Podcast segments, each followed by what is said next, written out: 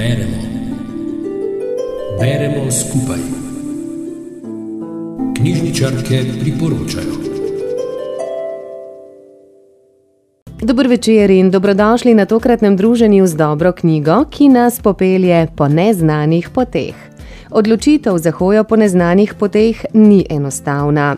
Avtorica potopisno-doživljajskega romana z naslovom Odločena iti po neznanih poteh, ki nam ga danes predstavlja Romana Hafna Riškofeloške knjižnice Ivana Tavčarja, pa je zbrala pogum, da je sama prehodila slovensko planinsko pot v celoti in kasneje napisala še knjigo o tem podvigu. Za večino je to ekstremen pogum, še toliko bolj za avtorico Majo Kuzmaganič, ki je že od rojstva gluha. Sama pravi, da sem gluha je dejstvo, kaj bom naredila iz gluhote, pa je večni izziv. In uspelo ji je gluhoto obrniti sebi v prid.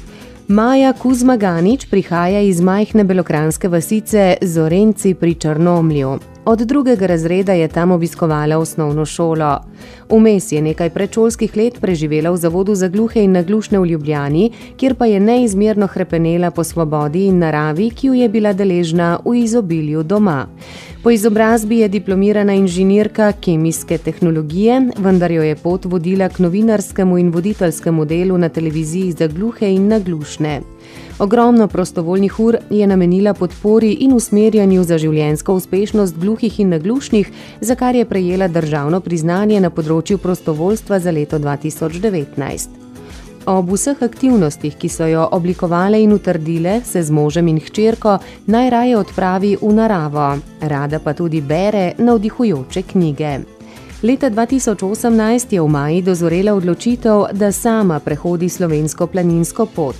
S pohodništvom se je srečala pri svojih 20 letih. Starša sta ob obilici dela na kmetiji začela redno zahajati na bližnji hrib Mirna Gora. Veliko krat sta se jima pridružili tudi Maja in njena pet let mlajša sestra Tanja. Kasneje je nanizala veliko hribolazniških podvigov v družbi prijateljev. Zelo navdihujoča je bila zgodba prijateljic o prehojenih 800 km Jakobove poti od Francije do Španije. Kmalu je izvedela za slovensko planinsko pot in porodila se je ideja, da jo prehodi sama.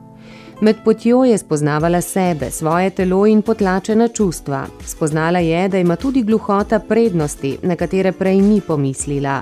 Spoznala je, da ni nič narobe, če si kdaj na tleh, če zaideš le nazaj na pravo pot, moraš okrog ovinka. Vsa doživetja, strahove in spomine je sproti na poti zapisovala v svoj rjav usnjen dnevnik.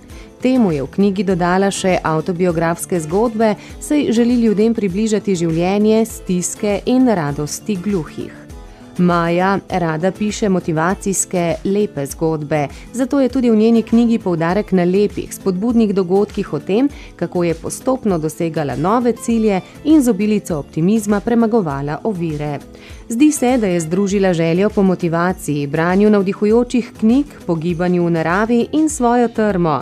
In tedaj je njeno življenje postalo motivacija in navdih marsikomu, ki išče lepoto življenja, pravi Romana Hafna iz Škofeloške knjižnice Ivana Tavčarja in vsem nam želi prijetno branje.